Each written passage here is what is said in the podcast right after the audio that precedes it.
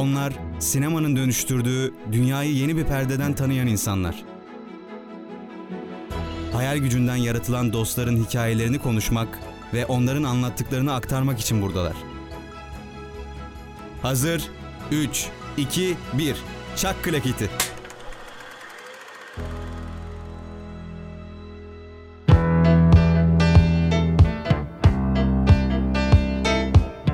Merhaba sevgili radyo dinleyenleri. E, Klaket'in yeni bölümünde sizlerle beraberiz. Fakat e, beraberiz demek çok da doğru olmayacak. Çünkü yaşadığımız bazı teknik aksaklıklardan dolayı sevgili arkadaşım Barış e, yanımda olamayacak ve ben tek başıma e, programı sürdürmeye çalışacağım. Bir nebze haliyle o uzun tartışmalar nasıl dersiniz çıkışsız münazaralar e, bu bölümümüzde ne yazık ki olmayacak. Fakat ben kendi başıma sizleri hem bilgilendirmek naçizane e, hala okul devam ediyor ve e, okulda ödevlerle boğuşmaya devam ediyoruz. E, aslında çok güzel filmler seçmiştik. Kader ve Bir Zamanlar Anadolu'da. Konuşmaya da çok hevesliydik. Programın aksamaması için bu teknik sıkıntı olmasına rağmen böyle bir karar verdik. Ee, en azından sizi belki eğer bekliyorsanız dinlemeyi ufak bir yarım saat 40 dakika kadar e, bu zor günlerde oyalayabilecek bir şey söz konusu olur. Yine filmleri tartışacağız. Kaderi ve Bir Zamanlar Anadolu'dayı. Ondan önce biliyorsunuz ilk 15 dakika gündemden bahsediyorduk. Ee, yeni çıkacak filmlerden e, veya çıkmış filmlerden ya da sinema dedikodularından. Ancak piyasanın durgunluğu hepinizin malumu. O yüzden çok fazla e, sizlere bir sinema haberiyle geldiğimizi söylemek pek doğru olmayacak. Açıkçası gördüğüm en son haber yine Denis Villeneuve'ün Dune filmiyle ilgiliydi. Dune filmden kareler paylaştı ve Javier Bardem, Timothy Chalamet, Zendaya gibi oyuncular olduğunu öğrenmiş olduk. Böylelikle en azından kadro hakkında bir e, bilgimiz oldu. Sanırım Mickey Rourke da filme dahil olmuş. Filmde yer alıyor. Tabii daha önce de bahsettiğimiz gibi Hollywood'un ukdesi bir kitaptı Dune. Ee, çevrimi için yaklaşık bir 45-50 senelik bir vakit Buna bir arzu duyuldu. Ee, bunu başlatan da Jodorowsky'di ki onun da bir belgeseli var. Jodorowsky's Dune diye. Çok e, iyi tasarladığı fakat e, çekemediği bir filmdi. Tabi çekememe sebebi de Hollywood'un o zamanlar Jodorowsky'yi tanımaması ve e, güven duymuyor olması.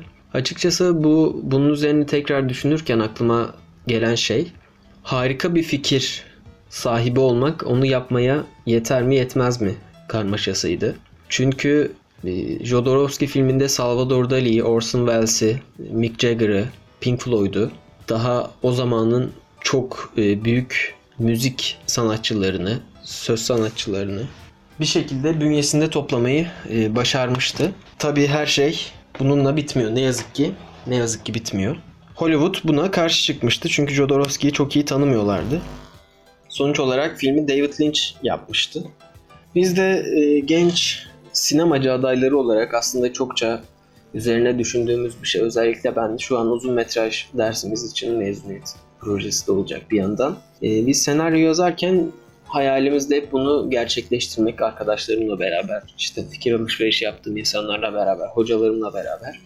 Bunu gerçekleştirebilme hayaliyle e, bir yola çıkıyoruz. Özenerek, çok büyük vakit harcayarak aslında burada şeyden bahsetmek lazım. Sanatın sanat üretmenin çok da romantik bir iş olmadığından dolayısıyla çok e, yoğun uzun saat çalışmalar, işte kendinle çok ciddi yüzleşmeler içeren ve bu insanı bazen mental olarak bıktıran bir şey.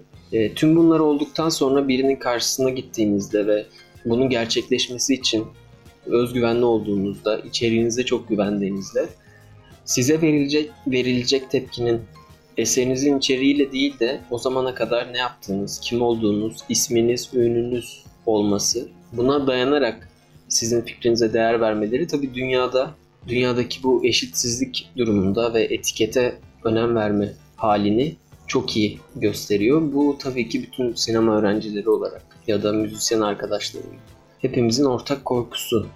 E tabii bir yandan da bu serbest piyasada da çokça tiyatrolarda, skeçlerde işte orada burada gördüğümüz bir şey. Bir iş başvurusuna gittiğimizde bize sorulan ilk şey daha önce nerede çalıştınız? Ee, bir yerde çalışmadıysak işe alınmıyoruz. Ama burada da bir paradoksa giriyoruz. Yani bir yerde çalışalım ki daha sonra başka bir yerde çalıştığımızda bir yerde çalışıyor olalım. Çalışmış olalım. Bunu sağlamayan şirketler söz konusu. Hem ortam bunu sağlamakta eksik kalırken, e, engeller çıkarırken bir yandan da bunu talep etmesi tabii insanı bir çıkışsızlığa götürüyor. Dolayısıyla da umutsuzluğa götürüyor. Üniversiteden mezun olduğumuzda bir iş için başvuracağımızda düşündüğümüz şey biz daha önce yapmadık. Bizi nasıl kabul edecekler oluyor. Çift taraflı da düşünmek lazım tabii ki. Yani iş yerlerinde daha kalifiye eleman e, almak istiyorlar. istiyorlar. Onlara da bir yandan çok karşı bir argüman sunulamıyor. Çünkü kar odaklı kuruluşlar hepsi. Fakat yine de bir çıkışsızlığa yol açıyor. Çünkü onlar da her istediği kriterde elemanı bulamıyorlar. Bu bir yerden sonra ehven şehre dönüyor. Fakat ehven şehre dönene kadar elenmiş insanlar e, artık işte orada umutsuzluğa kapılmış oluyorlar ve sonra onlardan çok da yukarıda olmayan belki yine tecrübesiz olan birini kendi aradıklarını bulamayınca alıyorlar ve böylelikle kendi içlerinde bir çelişkiye düşüyorlar. Bu hayatın diğer alanlarında olduğu gibi sanatla uğraşmanın da bir sıkıntısı. Tabi Hollywood ehven içeri düşmeden şu anda en popüler yönetmeni Denis Villeneuve. Ne kadar takip ettiğinizi bilmemekle beraber filmlerinin bence en azından kendi düşüncemce Hollywood'da en iyileri olduğunu düşünüyorum son zamanlarda. Ee, hani bir Kubrick vari bir etki uyandırdı ve hani en ünlü şey de doğal olarak e, ona teslim edildi. Sizlerle konuşacağımız e, filmlerden bahsedecek olursak Kader ve Bir Zamanlar Anadolu'da demiştik. İki Türkiye'nin yetiştirdiği iki çok büyük yetenek. Bir zamanların dostu ve hani belli dedikod dedikodular sebebiyle yollarının ayrıldığı söyleniyor. Bunlar dediğim gibi dedikodu ne olduğunu çok bilmiyoruz. Fakat tabii beraber iş yap yapmaları, yakın arkadaş olmaları, hala öyle olmaları çok e, Türk sineması için önemli bir kazanç olabilirdi. Fakat iki, iki çok farklı değil. E, kesiştikleri tek film Üç Maymun. Ve aslında hani bir Üç Maymun'da Nuri Bilge Ceylan Zeki Demirkubuz'la benzerlik kurarken Zeki Demirkubuz gittikçe bulantıyla, yeraltıyla Nuri Bilge Ceylan'ın sinemasına benzer bir sinema yapmaya başladı ve o eski varoşu anlatan varoş başyapıtı denen filmleri biraz geride bıraktı. İzleyiciler tabii ona biraz öyle alıştıkları için yani o varoş başyapıtlarını çok sevdikleri ve Zeki Demirkubuz'un o hikayeleri anlatma becerisini beğendikleri için daha sonraki filmlere aynı tepkiyi vermediler. Aynı bu tepkileri vermediler. İyi filmler olsa dahi. Örneğin e, Barış, Barış arkadaşım şu an burada olmayan program yayınlandıktan sonra muhtemelen dinleyecek olan ve onun hakkında ne dediğimi merak eden arkadaşım. Kader'in e, duygusal yapısını çok beğendi. E, ve hani o çirkinlik üzerine kurulmuş sinemasını orada çok anlamda bulmasına rağmen yer altında e, sıkıldığını söyledi. Tabii Zeki Demirkubuz'dan bahsederken ve hani özellikle Yeraltı gibi bir filmi çektiğinde Yeraltı zaten sıkıntı üzerine bir film ve e, sıkıntı üzerine bir filmin çok eğlenceli olması beklenemez. Tabii e, Nuri Bilge Ceylan'ın Kış Uykusu hakkında Kandaki seçici jüri sıkılmakla ilgili bir, bir film bu kadar mı sıkıcı olmaz diye bir yorum getirmiş. Fakat e, izleyicileri izleyicilere sorduğumuz zaman özellikle 3 saat 15 dakikalık bir filmi oldukça sıkıcı buluyorlar. Aynı durum e, Zeki Demirkubuz'un Yeraltısı için de geçerli. Onun da ben sıkıcı bir film olmadığını hatta Yeraltından notları hakkıyla uyarlamış olduğunu ki çok sinemaya uyarlanmaya çok müsait bir metin olmamasına rağmen üzerinde çok özenle çalışmış. Engin Günaydın'ı oynatmış ve sinemasını başka bir yöne evrildi orada başka bir hikayeler hikayeleri anlatmak için öyle bir ihtiyaç duydu. Belki olgunluğu gereği, yaşı gereği ve kafasını yorduğu şeylerin artık tamamen bunlar olması onu böyle bir yola itti. Fakat kader ve masumiyet e, hepimizin, izleyen herkesi tesir altında bırakan, alt metin okuması yapıldığında neredeyse ilahi bir aşkı, aslında bir modern Leyla ile Mecnun hikayesini anlatan filmler. Bir şarkı molası verelim. Daha sonra kaderle konuşmamıza devam edelim.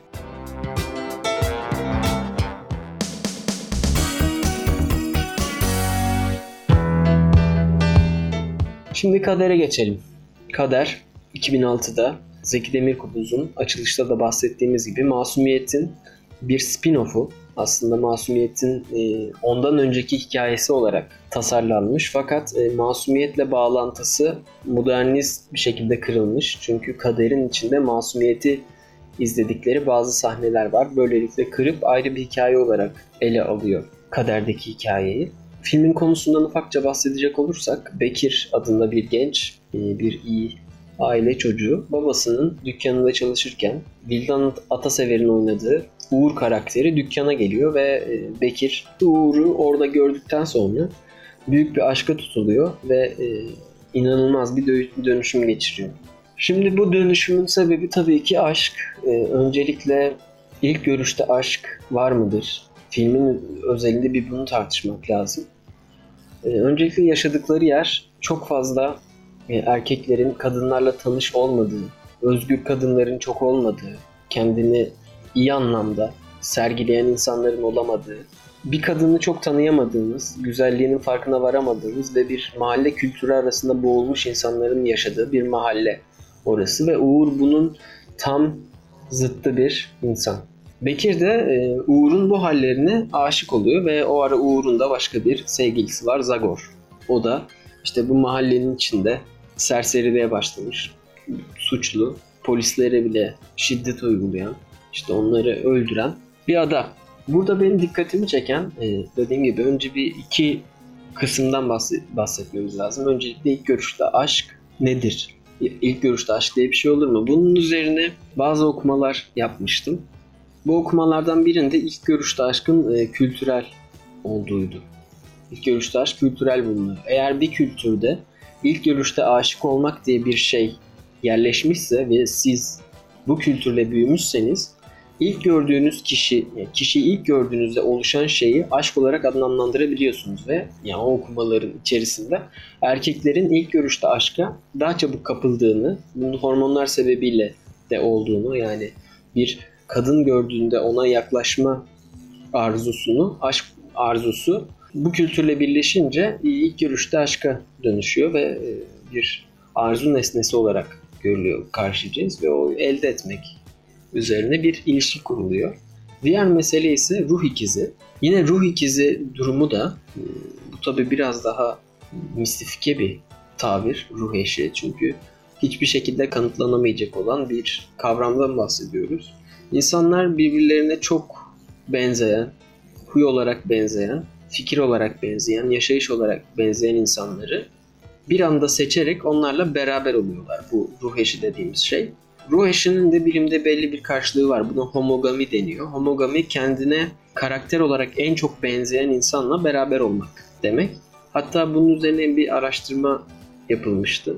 Birbirleriyle karakter olarak çok benzeyen ve işte böyle bir ruh eşi olduğunu düşünen, homogami içinde olan insanlar burun çapları ölçülüyor ve burun çaplarında da eşitlik veya çok azlık bir sapma görülüyor. Yani aslında fiziksel yapısına bile e, vuruyor bu durum. Tabii ki bu hipotez yani burun çaplarını ölçüyoruz. Evet aynı o zaman bu benim ruh eşimdir demek değil. Fakat bir şekilde e, fiziksel olarak da ruh eşi dediğimiz şeyi e, fiziksel olarak da belli benzerliklerden seçtiğimizi gösteren en azından gösteriyor olabileceğine olabileceğine dair bir kapı açan ve bize o kapıdan içeri sokan e, bir bilgi.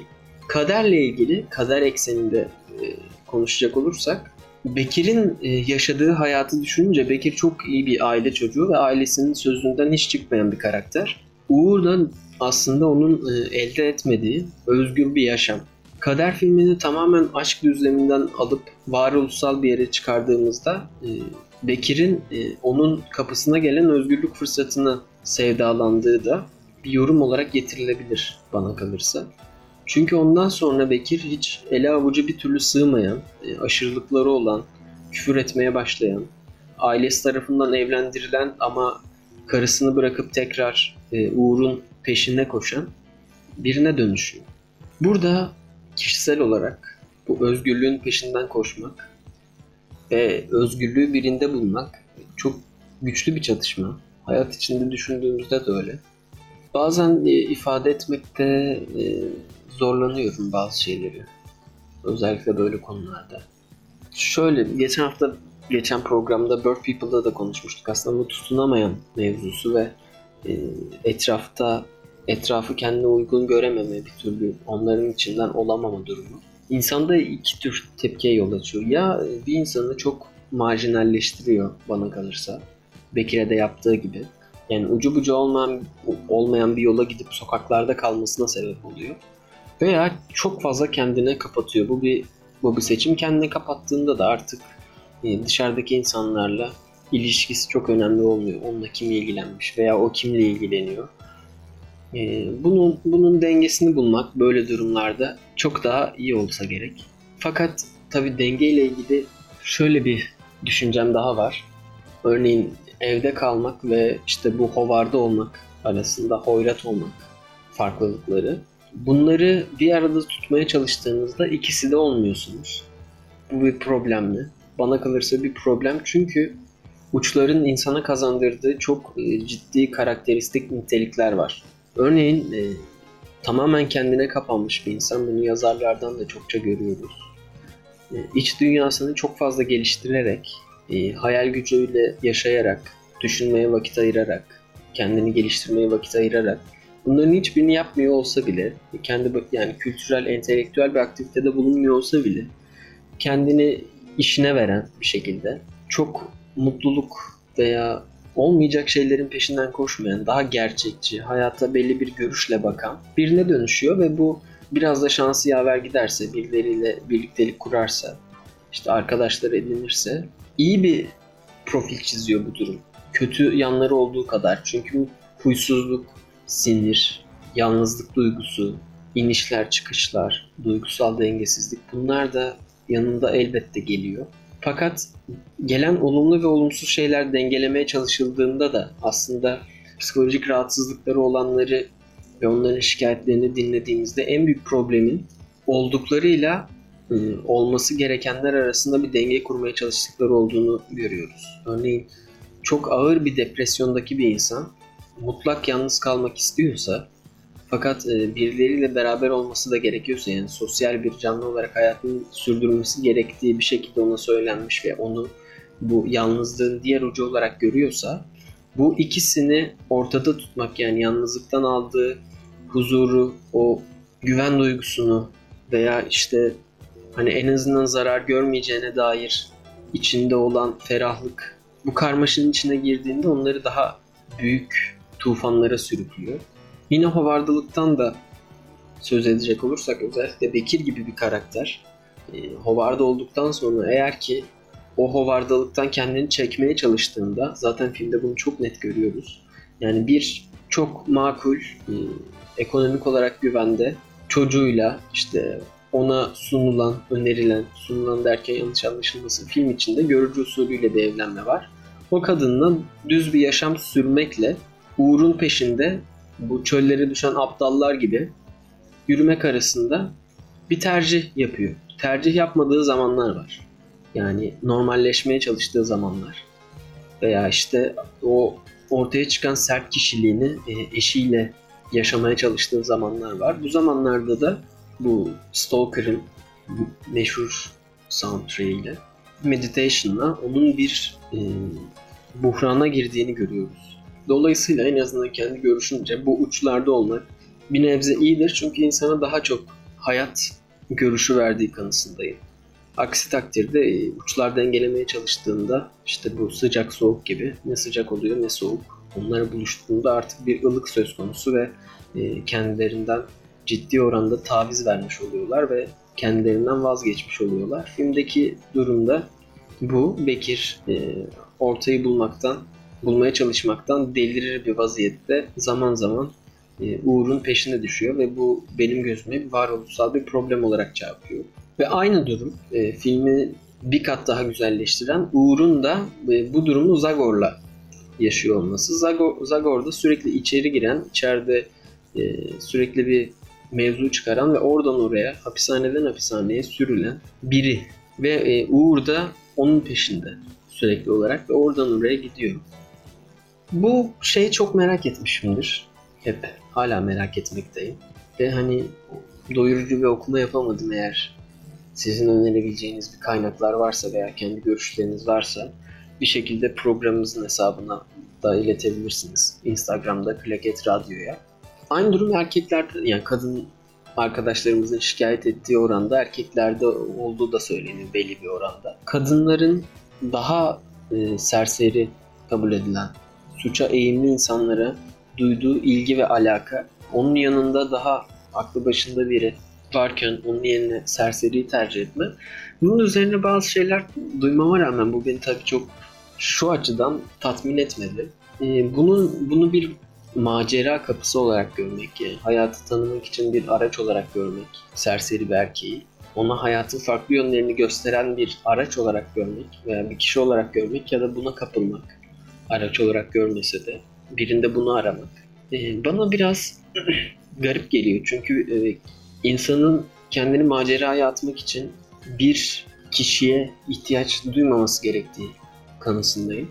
Kaldı ki bu bir genel söylem olduğu için toplumda herkesin dilinde olduğu için hatta kadın arkadaşlarımızdan da sık sık duyduğum için böyle insanlarla tabii ki serseri derken kötü anlamda söylemiyorum ama bir şekilde mutlu bitmeyecek ilişkiler içine girip daha sonra bu ilişkiler mutlu bitmeyen ve bu mutsuzluklarla işte Bekir'in en baştaki o saf sevgisini besleyen, ona benzeyen insanlarla beraber olmaları ve bu, bu bana biraz garip geliyor.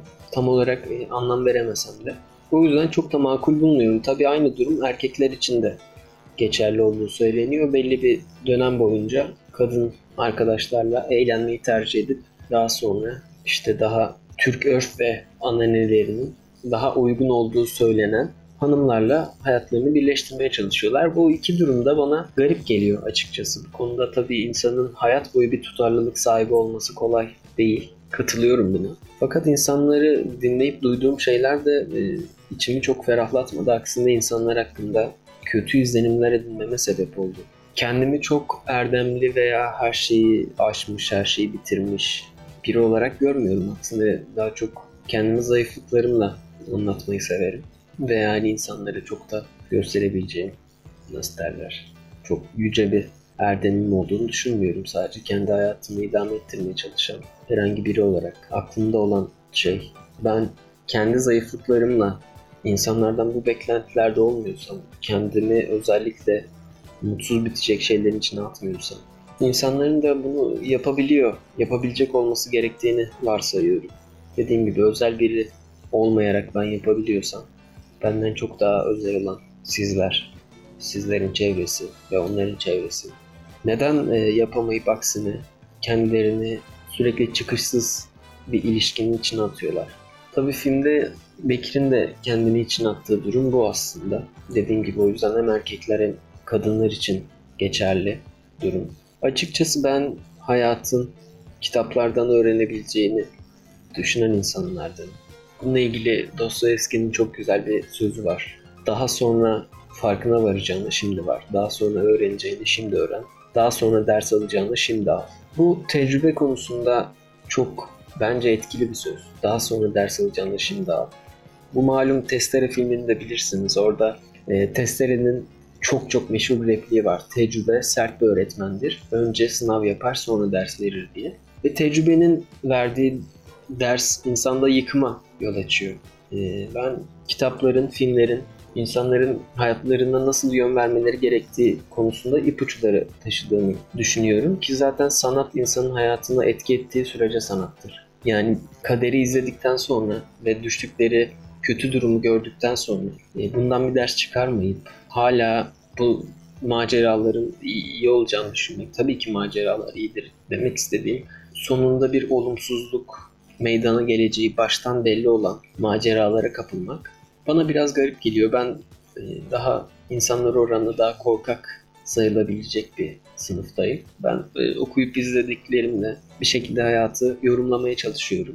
Ve hani e, hayatlarında bu gibi sıkıntılar yaşamış ve hala yaşayarak öğrenmeye çalışan bazı şeyler yaşanmadan elbette öğrenilmez. Fakat her şeyi yaşayarak öğrenmeye çalışan insanlara bunu öneriyorum. Şimdi bir şarkı arası verelim daha sonra devam edelim.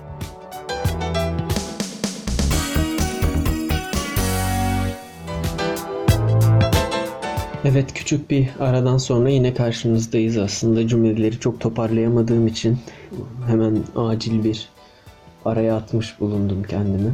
Yani bu süreçte de bir daha önceden yazmış olduğum bir şiirin e, Bekir gibi, Uğur gibi ve söz ettiğim e, o insanlar gibi biraz hani yalnızlıktan bahsettik. E, bu yalnızlığı hisseden insanlar gibi onların duygularını belki anlatmaya yarayacak.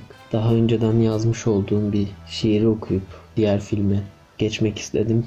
Böylelikle de belki e, fikirlerimi de toplamama yardımcı olur. Yeniden ve odaklanarak daha iyi konuşabilirim. Şiirimizin adı Avuçlarımda Bir Deniz Var. Bunu kendi blogumda yayınlamıştım. 24 Mart 2020 çok da geçmişte olmayan bir şiir. Avuçlarımda bir deniz var. Tüm karanlığıyla geceleri yıldızların yatağı, gündüzleyin güneşin hiç aralanmayan mavi perdesi. Puslu bir yansımayı doyuran gelgitleriyle ölümün ve aşkın, balta girmemiş gözeneklerinde gözyaşlarıma, insanlığın ilkel zamanlarından taşan melodilerini nakşediyor usulca. Bilmiyorum hüznün köpüklerinde yüzmeyi, görmeyi de ilahi yarımadalarını kozmozun. Yolculukları tüketen yüreğimin akıttığı kanda rüyalarımdaki gemileri sürüklüyorum. Kırılmış zamandan bir parçayım yalnızca. Avuçlarımdaki denizde öfkenin köpüğü ya da unutulmuş yeryüzünün devingen vaveylası. Gökyüzü hiç bana sormadan güneşlendi bu sabah. Sırtında beliren yanık bir çiçek destesi. Çürüyen bahçelerden kopan çiçekler asit yağmurlarına koku veriyor şimdi. Damarlarını gördüm cennetin ve cehennemin avucumdaki denizde. Istırabın külleriyle bir yarısı, diğer yanı ölümün huzuruyla örtülen. Kadife çiçeklerinin alacalı doğası gibi yaşamak da, ölmek de aynı topraktan bitip kardeş oluyor birbirine. Uz, yanılgının özel adı, temizleyip evrenin kirini, saydam, renksiz bir tohum olarak avucumdaki denize ekiyor varoluşundaki yetimi. Ve o vakit o deniz avuçlarımdaki belleğin kara maddesi gibi tehevvür ederek yükseliyor. Hep rüzgar alan pencereye. Yalnızlığın sınırındaki.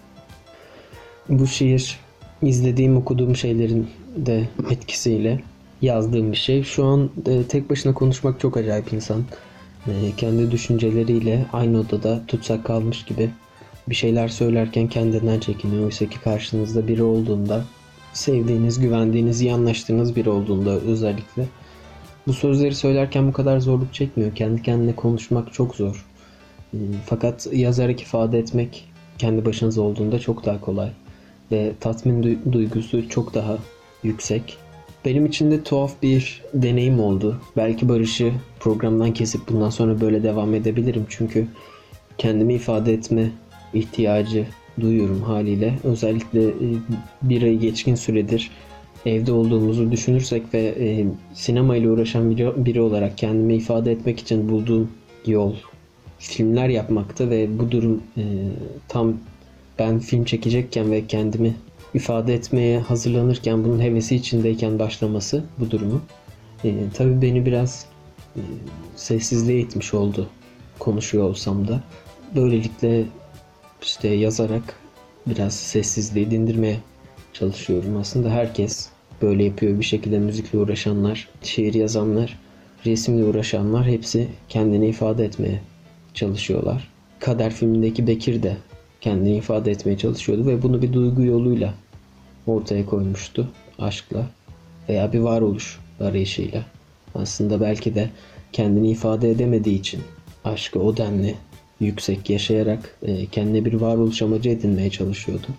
Tabi bu insan için varoluş amacı çok ciddi bir problem. Özellikle e, şu an postmodernist zamanda olduğumuzda.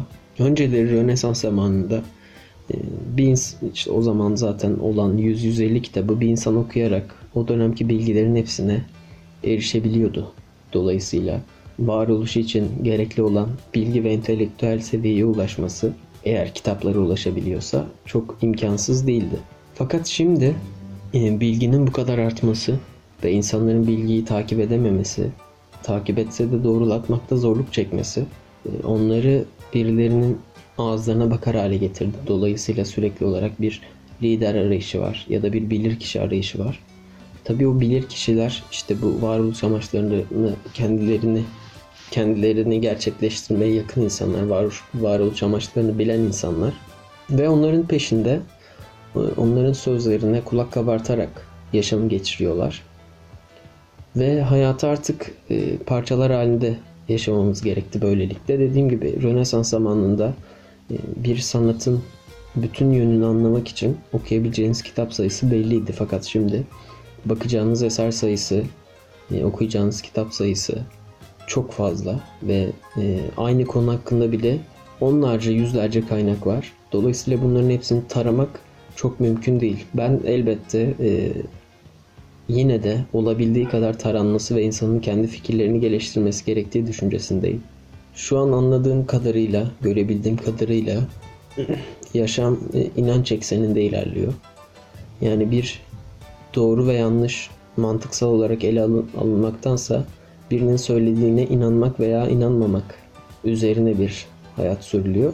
Tabi yalnızca inanç eksenine indirilmiş, sosyal yaşamda yalnızca inanç seviyesine indirilmiş bir düşünce dünyası insanda bazı eksiklikler oluşturuyor işte bunlardan en önemlisi de aidiyetsizlik e, aidiyetsizlik yükseldikçe bunu zevkle tolere etmeye çalışma e, zevkin bunu tolere edememesi ve çok daha fazla hedonist bir hale dönüşme parçalar halinde yaşıyoruz derken de kastım işte bu yani bir sürü parçaya bölünmüş oluyoruz e, eski zamanlarda bir padişah canı isteyince Amerika'ya gidemezken bugün e, bir insan Amerika'ya gidebiliyor fakat bu onu parçalıyor haliyle. Çünkü başka yerlerin insanı oluyor sürekli. Bu hız e, insanı parçalıyor.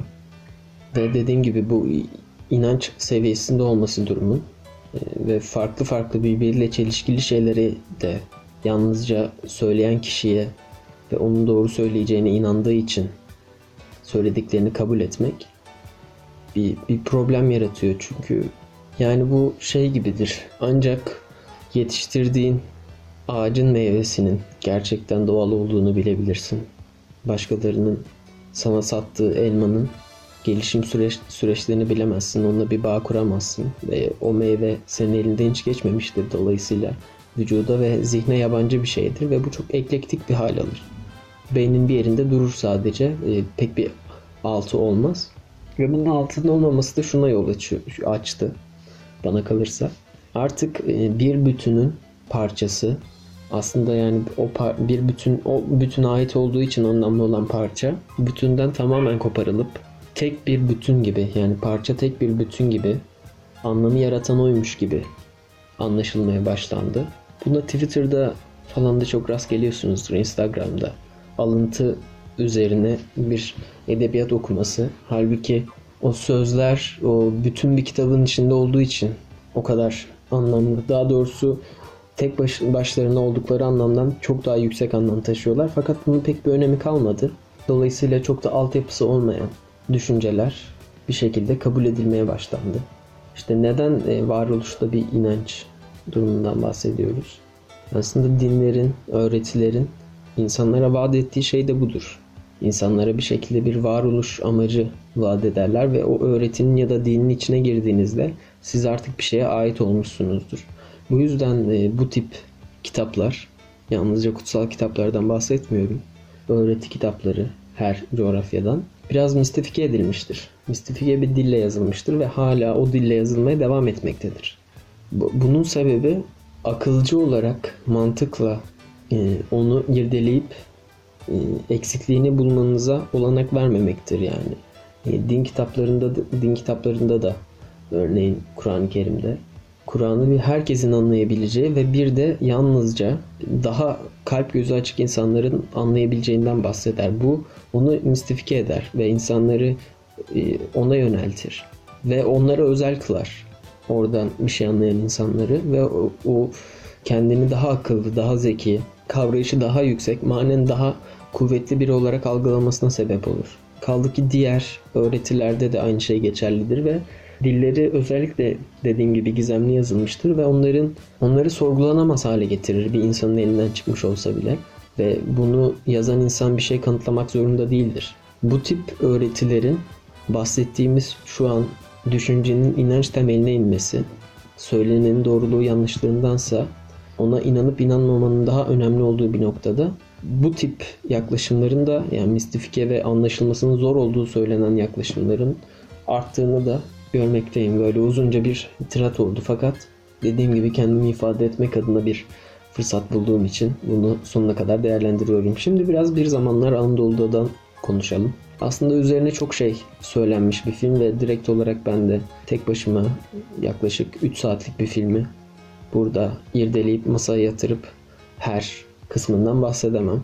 Filmde en çok dikkatimi çeken şey bu yine bir e, varoluşsal bir probleme de yol açan bir eylem söz konusu. Burada filmin henüz başında gördüğümüz Fırat Danış'ın oynadığı ve ismini bilmediğimiz karakter birini öldürüp Bozkır'ın ortasına gömüyor.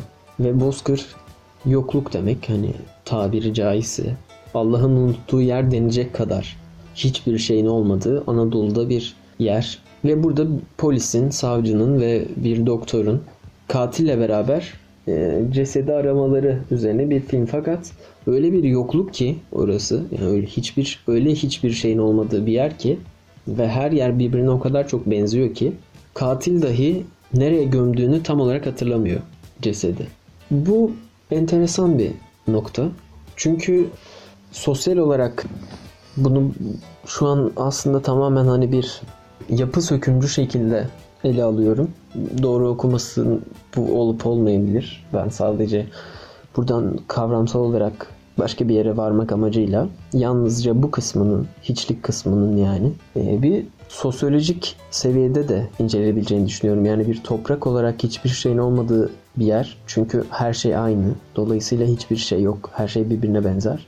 Ve orada aranan hiçbir şey bulunamıyor.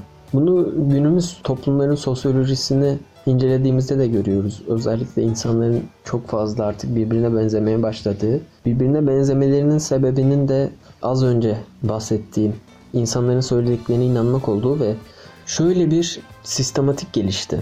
İnsanları etki alanlarına göre belli bir sıraya koyduğumuzda örneğin A kişisi bir şey, bir şey söylüyor ve bu 100 kişiyi etkiliyor. Bu 100 kişiden birisi B kişisi B kişisi A kişisinin söylediklerini kendi düşüncesiymiş gibi ifade edip 70 kişiye etkiliyor. 70 kişi içindeki C kişisi B kişisinin söylediklerini tekrarlayarak 40 kişiyi etkiliyor ve bu böyle sürekli aşağı dek iniyor. Dolayısıyla söylenen şeyin kalitesi ve e, gerçekten içeriden üremişliği yani deneyimle e, okuyarak, entelektüel kültürle kafa yorularak ortaya çıkmışlık bu etki alanı azaldıkça daralıyor. Sonunda da e, çok etki alanı az olan insanlar başkalarının fikirlerini özümsemeden bunların doğru olduğuna inandıkları için bunları savunur hale geliyorlar. Ve bu etki alanı bir sistem haline geldiği için yani belli bir sıralaması olduğu için tersine de işlemeye başlıyor. Bu sefer işte 15 kişi etkileyen kişi 30 kişiyi de etkilemeye başlıyor ve bu bu bir döngüye yol açıyor. Hem de kısır bir döngüye yol açıyor. Aynı fikir tek bir kaynaktan çıkmış ve herkesin sahiplendiği bir fikir olarak dolaşmaya başlıyor ortalıkta ve bir aynılık meydana geliyor. Ve bu aynılığın içinde de doğruyu bulmaya çalıştığımızda gerçekten doğru olanı ve kaynağının yani bu söylenenin ve fikrin kaynağını bulmakta çok zorluk çekiyoruz. Ve bunun için tıpkı e, bir zamanlar Anadolu'da da doktorun, cerrahın, savcının yaptığı gibi belki etki alanı en az olan insanı alarak yanımıza bunun üzerine bir araştırma yapmamız gerekiyor. Aslında Nuri Bilge Ceylan bunu tamamen insanın varoluşu bürokratik bir eleştiri olarak meydana koyduğunda böyle bir anlam çıkacağını beklediğini zannetmiyorum. Fakat belki de tabii ki bir dahiden de bahsettiğimiz için bunu bekliyor da olabilir. Benim çıkarımım bir yönden bu. Doğrunun nerede olduğunu arayarak vakit geçiriyorlar. Tabii bir zamanlar Anadolu'daki doğru yani ceset çok daha korkunç hayatta gördüğümüz yine zararsız fikirlerdense oradaki e, ulaşılacak olan şey sonuç çok daha korkunç ve onu çok akıcı bir dille bana kalırsa ve çok iyi oyunculukla anlatıyor ki bir de tabii muhtar sahnesi var.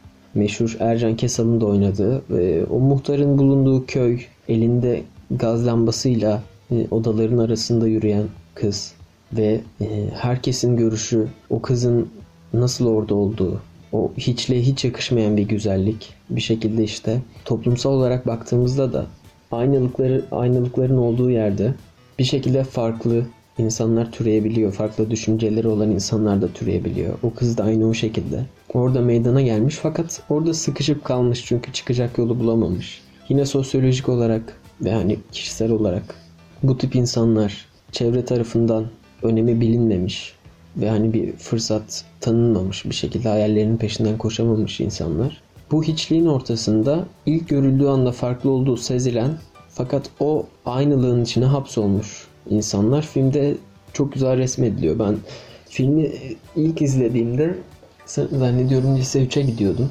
Bundan 7-8 sene önce ve e, yakın zamanda tekrar izledim. İşte bu 7-8 sene içinde algıda böyle bir farklılık yaşıyor olmak tabii beni mutlu etti bir, bir şekilde. Daha sonra cesedi buldukları yerdeki anlamsız durumlar, soğukluk, hani kan donduran cinsten biraz. Çünkü e, olan biten şeyi bir vaka olarak değerlendiriyorlar. Profesyonel olarak ve asıl duygularını içlerinde tutmaları gerekiyor. Yine bir yapı sökümcü şekilde ele alıyorum bunu. Bana çağrıştıran yani bu durumun çağrıştırabileceği şey çok e, korkunç durumlarla karşılaştığımızda toplumsal reflekslerimizin gevşekliği aklıma geldi. Bir şekilde hani üzerine o kadar da korkunç değilmiş gibi akıl yürütmelerimiz, işte yorumlamalarımız ve sonra unutup gitmemiz aklıma geliyor ve yapı sökümcülük derken yani şu an parçalar olarak anlatıyorken az önce yalnızca bir şeyi parçalı olarak ele almamak gerektiğini söylediğimin farkındayım. Tabii filmin bütününü ele aldığınız zaman bunların ülke üzerine çok iyi bir fotoğraf olduğunu görüyorsunuz ve her durumuyla birbirini tamamlayan ve birbirine yol açan olayları gördüğünüzde aslında bu parçaları anlattığım şeylerin nelere yol açtığını da film içinde görüyorsunuz. Eğer ki zaten sonraları olmasaydı e, bunlar bu kadar da önemli yer etmezdi. Ve tabii özellikle hani ihmalkarlık, düşüncesizlik belki filmin çok can alıcı bir noktasında ortaya çıkıyor. Cesedi bulduklarında. Bunu izlemeyenler için söylememek gerektiği kanısındayım. Çünkü çok çok çarpıcı bir sahne ve benim e, en en sevdiğim diyaloğun olduğu sahne savcı ile doktorun konuşması. Savcının söylediği bir cümle yanılmıyorsam Spinoza'dan bir alıntı. Bir insan başka bir insanı cezalandırmak için kendi canını kıyabilir mi diyor. Doktor da cevap olarak zaten intiharların çoğu kısmı bu yüzden gerçekleşiyor diyor. Bunu ben Sisyphos söylenini okuduktan sonra ve üzerine biraz düşündükten sonra hak verdim açıkçası. Şu yüzden hak verdim. Albert Camus e, hiçbir intiharın varoluşsal bir nedenle olamayacağını savunuyor. Ve hani baktığımız zaman e, bunun üzerine düşündüğümde ve okumalar ve izlemeler yaptığımda e, intihar ettiklerindeki asıl nedenin hiçbir zaman bu varoluşsal problemler olduğunu görmüyoruz. Aksine sahip olduğu karakter sebebiyle insanların onlara davranışları, onların insanlara davranamayışları, e, ilişki kuramayışları üzerine ve ya da e, bir şekilde bir tatmin duygusu oluşturamamak hayata karşı böyleydi. Ve henüz bir lise öğrencisi olarak o replikle karşılaştığımda bu benim suratıma da bir tokat gibi çarpmıştı ve onun üzerine çok da düşünmeye başladım ve herhalde zaten çok da düşündüm ki bölümümüzde intiharla ilgili herhangi bir içerik yazıldığında onu artık benim yazdığım fazlasıyla biliniyor.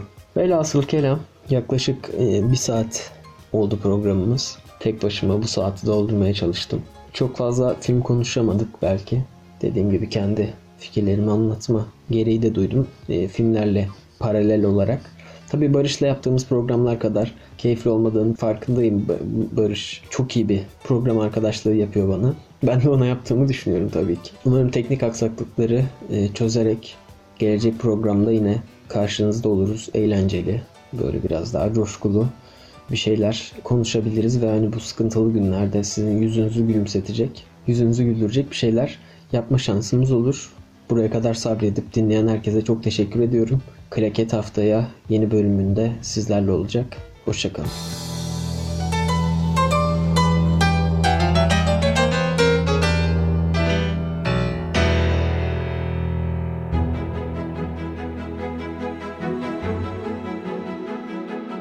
Onlar sinemanın dönüştürdüğü dünyayı yeni bir perdeden tanıyan insanlar. Hayal gücünden yaratılan dostların hikayelerini konuşmak ve onların anlattıklarını aktarmak için buradalar. Hazır? 3, 2, 1. Çak klaketi.